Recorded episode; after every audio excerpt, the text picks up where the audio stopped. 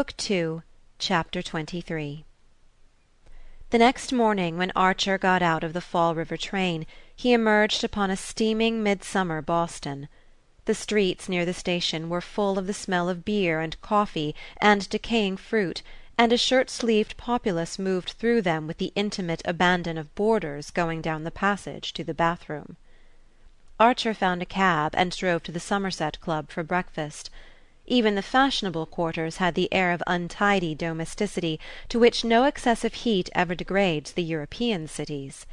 Caretakers in calico lounged on the doorsteps of the wealthy, and the Common looked like a pleasure ground on the morrow of a Masonic picnic. If Archer had tried to imagine Ellen Olenska in improbable scenes he could not have called up any into which it was more difficult to fit her than this heat prostrated and deserted Boston. He breakfasted with appetite and method, beginning with a slice of melon, and studying a morning paper while he waited for his toast and scrambled eggs. A new sense of energy and activity had possessed him ever since he had announced to May the night before that he had business in Boston and should take the Fall River boat that night and go on to New York the following evening. It had always been understood that he would return to town early in the week, and when he got back from his expedition to Portsmouth a letter from the office, which fate had conspicuously placed on a corner of the hall table, sufficed to justify his sudden change of plan. He was even ashamed of the ease with which the whole thing had been done. It reminded him, for an uncomfortable moment, of Lawrence Lefferts's masterly contrivances for securing his freedom. But this did not long trouble him, for he was not in an analytic mood. After breakfast he smoked a cigarette and glanced over the Commercial Advertiser. While he was thus engaged two or three men he knew came in, and the usual greetings were exchanged. It was the same world after all though he had such a queer sense of having slipped through the meshes of time and space. He looked at his watch, and finding that it was half past nine, got up and went into the writing room. There he wrote a few lines and ordered a messenger to take a cab to the Parker House and wait for the answer. He then sat down behind another newspaper and tried to calculate how long it would take a cab to get to the Parker House. "The lady was out, sir," he suddenly heard a waiter's voice at his elbow, and he stammered out? as if it were a word in a strange language. He got up and went into the hall. It must be a mistake; she could not be out at that hour. He flushed with anger at his own stupidity. Why had he not sent the note as soon as he arrived? He found his hat and stick and went forth into the street. The city had suddenly become as strange and vast and empty as if he were a traveller from distant lands. For a moment he stood on the doorstep hesitating then he decided to go to the Parker house. What if the messenger had been misinformed, and she were still there? He started to walk across the common, and on the first bench, under a tree, he saw her sitting. She had a grey silk sunshade over her head. How could he ever have imagined her with a pink one? As he approached he was struck by her listless attitude. She sat there as if she had nothing else to do. He saw her drooping profile and the knot of hair fastened low in the neck under her dark hat, and the long wrinkled glove on the hand that held the sunshade. He came a step or two nearer, and she turned and looked at him. "Oh!" she said, and for the first time he noticed a startled look on her face, but in another moment it gave way to a slow smile of wonder and contentment. "Oh!" she murmured again, on a different note, as he stood looking down at her and without rising she made a place for him on the bench. "I'm here on business just got here," Archer explained, and without knowing why he suddenly began to feign astonishment at seeing her. "But what on earth are you doing in this wilderness?" He really had no idea what he was saying. He felt as if he were shouting at her across endless distances, and that she might vanish again before he could overtake her.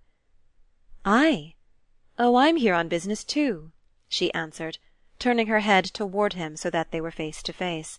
The words hardly reached him; he was aware only of her voice, and of the startling fact that not an echo of it had remained in his memory. He had not even remembered that it was low pitched, with a faint roughness on the consonants. "You do your hair differently," he said, his heart beating as if he had uttered something irrevocable. "Differently? No, it's only that I do it as best I can when I'm without Nastasia." "Nastasia? But isn't she with you?" No, I'm alone. For two days it was not worth while to bring her. You're alone? At the Parker House?" She looked at him with a flash of her old malice. "Does it strike you as dangerous?" "No, not dangerous." "But unconventional? I see. I suppose it is." She considered a moment. "I hadn't thought of it, because I've just done something so much more unconventional." The faint tinge of irony lingered in her eyes. "I've just refused to take back a sum of money that belonged to me." Archer sprang up and moved a step or two away. She had furled her parasol and sat absently drawing patterns on the gravel. Presently he came back and stood before her. "Someone has come here to meet you?" "Yes." "With this offer?" She nodded. "And you refused because of the conditions?" "I refused," she said after a moment. He sat down by her again. "What were the conditions?" "Oh, they were not onerous. Just to sit at the head of his table now and then." There was another interval of silence. Archer's heart had slammed itself shut in the queer way it had, and he sat vainly groping for a word. "He wants you back at any price?" "Well, a considerable price. At least the sum is considerable for me." He paused again, beating about the question he felt he must put. "It was to meet him here that you came?" She stared, and then burst into a laugh. "Meet him? My husband? Here? At this season he's always at Caux or Baden." "He sent some one?" "Yes." "With a letter?" She shook her head. "No, just a message. He never writes. I don't think I've had more than one letter from him." The allusion brought the colour to her cheek, and it reflected itself in Archer's vivid blush. "Why does he never write?" "Why should he? What does one have secretaries for?" The young man's blush deepened. She had pronounced the word as if it had no more significance than any other in her vocabulary. For a moment it was on the tip of his tongue to ask, "Did he send his secretary, then?" But the remembrance of Count Olenski's only letter to his wife was too present to him. He paused again, and then took another plunge. "And the person?" "The emissary?" "The emissary," Madame Olenska rejoined, still smiling, "might for all I care have left already. But he has insisted on waiting till this evening, in case on the chance "And you came out here to think the chance over?" "I came out to get a breath of air. The hotel's too stifling. I'm taking the afternoon train back to Portsmouth." They sat silent, not looking at each other, but straight ahead at the people passing along the path. Finally she turned her eyes again to his face and said: "You're not changed." He felt like answering: "I was, till I saw you again." But instead he stood up abruptly and glanced about him at the untidy sweltering park. "This is horrible. Why shouldn't we go out a little on the bay? There's a breeze, and it will be cooler. We might take the steamboat down to Point Arley." She glanced up at him hesitatingly, and he went on: "On a Monday morning there won't be anybody on the boat. My train doesn't leave till evening. I'm going back to New York. Why shouldn't we?" he insisted, looking down at her; and suddenly he broke out: "Haven't we done all we could?" "Oh she murmured again.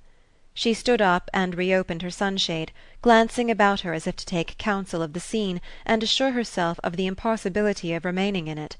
Then her eyes returned to his face. "You mustn't say things like that to me," she said. "I'll say anything you like or nothing. I won't open my mouth unless you tell me to. What harm can it do to anybody? All I want is to listen to you," he stammered. She drew out a little gold faced watch on an enamelled chain. "Oh, don't calculate!" he broke out. "Give me the day. I want to get you away from that man. At what time was he coming?" Her colour rose again. "At eleven." "Then you must come at once." "You needn't be afraid if I don't come." "Nor you either if you do. I swear I only want to hear about you, to know what you've been doing. It's a hundred years since we've met. It may be another hundred before we meet again." She still wavered, her anxious eyes on his face. "Why didn't you come down to the beach to fetch me the day I was at granny's?" she asked. "Because you didn't look round. Because you didn't know I was there. I swore I wouldn't unless you looked round." He laughed as the childishness of the confession struck him. "But I didn't look round on purpose." "On purpose?" "I knew you were there. When you drove in I recognized the ponies. So I went down to the beach." "To get away from me as far as you could?" She repeated in a low voice: "To get away from you as far as I could." He laughed out again, this time in boyish satisfaction. "Well, you see it's no use. I may as well tell you," he added, "that the business I came here for was just to find you. But look here, we must start or we shall miss our boat." "Our boat?" She frowned perplexedly, and then smiled. "Oh, but I must go back to the hotel first. I must leave a note." "As many notes as you please. You can write here." He drew out a note case and one of the new stylographic pens. "I've even got an envelope. You see how everything's predestined. There, steady the thing on your knee and I'll get the pen going in a second. They have to be humoured. Wait." He banged the hand that held the pen against the back of the bench. "It's like jerking down the mercury in a thermometer. Just a trick. Now try." She laughed, and bending over the sheet of paper which he had laid on his note case, began to write. Archer walked away a few steps, staring with radiant unseeing eyes at the passers by, who in their turn paused to stare at the unwonted sight of a fashionably dressed lady writing a note on her knee on a bench in the common. Madame Olenska slipped the sheet into the envelope, wrote a name on it, and put it into her pocket. Then she too stood up. They walked back toward Beacon Street, and near the club Archer caught sight of the plush lined herdic which had carried his note to the Parker house and whose driver was reposing from this effort by bathing his brow at the corner hydrant. "I told you everything was predestined. Here's a cab for us. You see?" They laughed, astonished at the miracle of picking up a public conveyance at that hour and in that unlikely spot, in a city where cab stands were still a foreign novelty. Archer, looking at his watch, saw that there was time to drive to the Parker house before going to the steamboat landing. They rattled through the hot streets and drew up at the door of the hotel. Archer held out his hand for the letter. "Shall I take it in?" he asked. But Madame Olenska, shaking her head, sprang out and disappeared through the glazed doors. It was barely half past ten. But what if the emissary, impatient for her reply, and not knowing how else to employ his time, were already seated among the travellers with cooling drinks at their elbows, of whom Archer had caught a glimpse as she went in? He waited, pacing up and down before the herdic. A Sicilian youth with eyes like Nastasia's offered to shine his boots, and an Irish matron to sell him peaches; and every few moments the doors opened to let out hot men with straw hats tilted far back, who glanced at him as they went by. He marvelled that the doors should open so often, and that all the people it let out should look so like each other and so like all the other hot men who at that hour, through the length and breadth of the land, were passing continuously in and out of the swinging doors of hotels. And then suddenly came a face that he could not relate to the other faces. He caught but a flash of it, for his pacings had carried him to the farthest point of his beat, and it was in turning back to the hotel that he saw, in a group of typical countenances, the lank and weary, the round and surprised, the lantern jawed and mild this other face that was so many more things at once, and things so different. It was that of a young man, pale too, and half extinguished by the heat or worry or both, but somehow quicker, vivider, more conscious or perhaps seeming so because he was so different. Archer hung a moment on a thin thread of memory, but it snapped and floated off with the disappearing face, apparently that of some foreign business man, looking doubly foreign in such a setting. He vanished in the stream of passers by, and Archer resumed his patrol. He did not care to be seen watch in hand within view of the hotel, and his unaided reckoning of the lapse of time led him to conclude that, if Madame Olenska was so long in reappearing, it could only be because she had met the emissary and been waylaid by him. At the thought Archer's apprehension rose to anguish. "If she doesn't come soon I'll go in and find her," he said. The doors swung open again and she was at his side. They got into the herdic, and as it drove off he took out his watch and saw that she had been absent just three minutes. In the clatter of loose windows that made talk impossible they bumped over the disjointed cobble-stones to the wharf. Seated side by side on a bench of the half-empty boat they found that they had hardly anything to say to each other or rather that what they had to say communicated itself best in the blessed silence of their release and their isolation.